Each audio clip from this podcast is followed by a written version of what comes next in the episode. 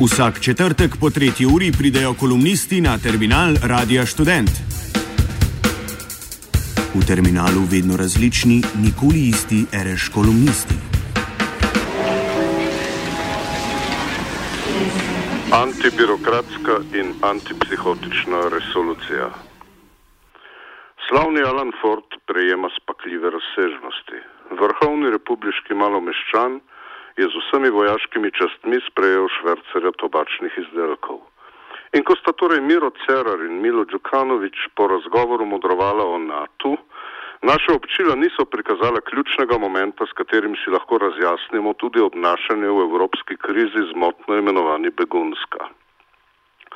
Ta moment smo lahko videli zgolj na črnogorski državni televiziji, zakaj tam so spričo uličnih bojev in zaradi ostrih ruskih komentarjev prav paktu NATO, ki naj bi se mu kmalo veselo pridružila še Črna Gora, namenili ustrezno več pozornosti.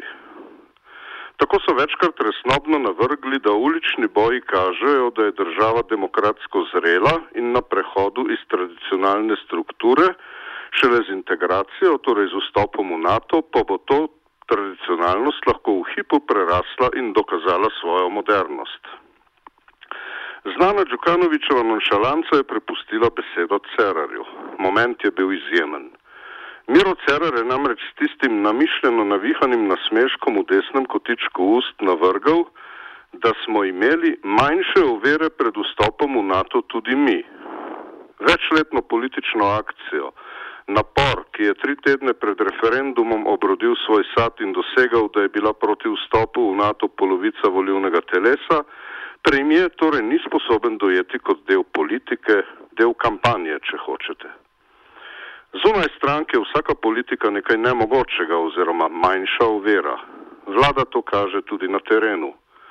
Še hujše od izkoriščanja begunk in beguncev za nabiranje političnih točk, še hujše od predvidljivih balkanskih zdrah in obtoževanj sta instrumentalizacija in paternalizacija. Hierarhija uniform, ki stoji med civilno družbo, med prebivalstvom in tako imenovanimi odločilnimi in odločujočimi faktorji, je vsak dan večja. Stanje je neznosno tudi zaradi tega. Terensko pomoč lahko namreč učinkovito organiziraš samo s postopki, ki presežejo avtokratske odločitve, sicer lahko v nedogled ponavljaš, da se je kaj pripetilo prvič. Nenehne izjave prostovoljskih koordinatorjev, da so navzoči premnogi, ki zgolj ovirajo delo, ker niso usposobljeni za takšno delo, še poglabljajo to obsedenost. Zdi se, da Slovenija ne zmore organizirati reči brez izrednega stanja, brez oranžnih in rdečih alarmov na vseh ravneh in za razne potrebe. Ignoranca nestrankarske in neuniformirane politike je seveda značilnost vsake nedemokratične vlade. In kakorkoli obračamo, odpoved tvegane nogometne tekme med Olimpijo in Mariborom je bila tisto in takšno simbolno dejanje, s katerim je uniforma zmagala. Pozneje je reči svojo izjemno državljansko akcijo olajšala le prečujoča radijska postaja. Tisto tekmo bi morali organizirati pod nujno, saj je odpoved ključno prispevala k moralni paniki. Malo starejši se bomo pri tem spomnili na obsedeno medijsko podobo v času desetdnevne vojne, še starejši bomo pikro pripomnili, da gre za starodavne prispevke k ustrahovanju prebivalstva in seveda navrgli še kak filmski izdelek. V resnici pa je vse tako strahovito začasno, da uniformna in uniformirana akcija sama sebe sproti spodbije v kakršnikoli dolgoročnejši ureditvi. Kar ostane, sta gov nadzor in površno preštevanje, čisto nič drugega. Kot vse kaže, bo res kmalo ukrepal NATO, zato pa je na svetu, mar ne? Nedavne volitve na Polskem so bile umestno potrdilo, da vse vprek in vse naokrog po Evropi strašijo birokratske figure, ki jim je vsakršna humanistična nota tuja. Še več. Te figure so do nerazpoznavnosti zmaličile razloček med humanitarnostjo in humanizmom, kar prebivalstvu daje dodatno zmedeno podobo. Poleg evropske in slovenske krize imamo tako še osnovno. Naravno s šolsko politično krizo saj se razpira neko neznosno razmerje.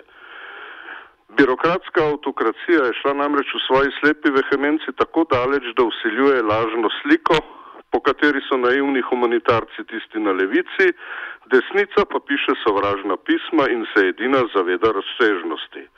Tega nikakor ne smemo sprejeti, ker ni resnično, zavaja in deli prebivalstvo po novi diagonali, ki z umišljenim premikom državljanske vojne v novo prestavo očitno zelo ustreza trenutku. Zato je nad vse pomembno, da tudi ta trenutek dobiva sprotno politično analizo. Kratko malo neobhodno je, da ne nasedamo floskulam o tem, da je kriza prepomembna, da bi z malenkostmi ovirali njeno edino zveličavno, torej vladno rešitev. Ko je Tonči Kuzmanič analiziral pomen skepse o vojaški vlogi, je reč sklenil izjemno produktivno. Če parafriziramo, je njegova teza čudovito brati iz rednega stanja. V situaciji, ko očitno ne živimo več v demokratični družbi, je bil prav poziv k vojaški vlogi morda olajšanje, možnost, rešitev. Prav s tem smo morda dobili podlago, da se reči naposled začnejo urejati demokratično, torej brez neskončnih ponavljanj in poudarjanj o demokratičnosti. A vzemimo, da se reči dejansko dogajajo prvič, kot se vse kdaj pripeti prvič. Tudi v tem primeru, zlasti v tem primeru bi pomagal nauk, zgodovinski spomin na zadnjih 15 let, odkar se krepi ideologija varnosti. Če se je komu zdela označba, da je naša vlada birokratska, pregroba ali preohlapna, prav v primeru varnosti vidimo, da ni. Vidimo, da je varnost tako zelo močna, tudi nezavedno močna prioriteta, da si s tem pade. Obrnimo. Varnostne reči so nekaj tako občutljivega, da jih ne moremo odpraviti kar tako, z varnostjo na prvem mestu. Zaradi tega tudi nečloveške razmere v Brežicah, na katere premijeja prav danes opozorijo nevladne organizacije. Živimo krizo, ki nikakor ni begunska kriza, pač pa je kriza, v kateri politična ignoranca humanizma potone v hierarhično organizirano in s tem že v štartu spodletelo humanitarnost. Vse je tako odmaknjeno in obenem zelo blizu. En sam strokovni prijem je vreden več kot učinkovita samoinicijativa prebivalstva. Ta strokovni prijem ima na vse zadnje tako moč, da ljudi sploh ni več blizu ljudem, vse je samo še humanitarna gesta in motnja za okolico.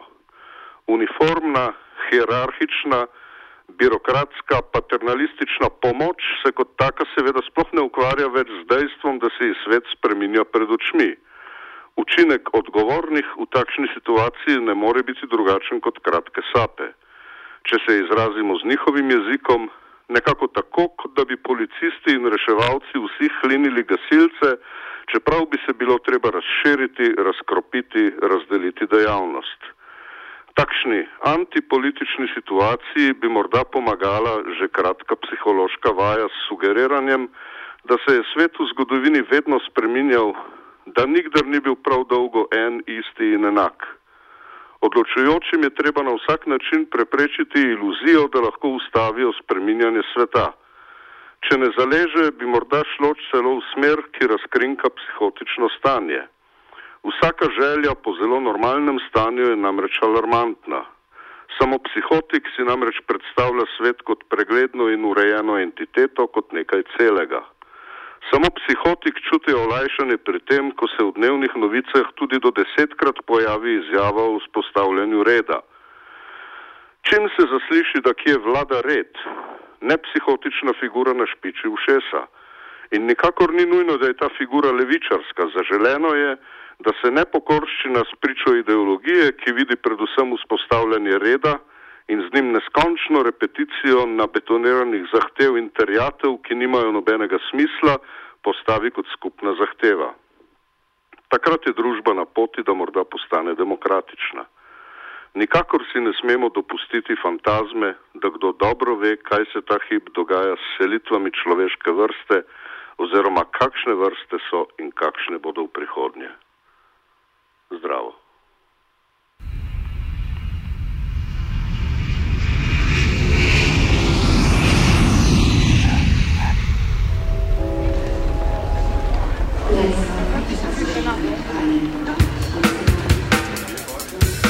Vsak četrtek po tretji uri pridejo kolumnisti na terminal Radia Student. V terminalu vedno različni, nikoli isti, reš kolumnisti.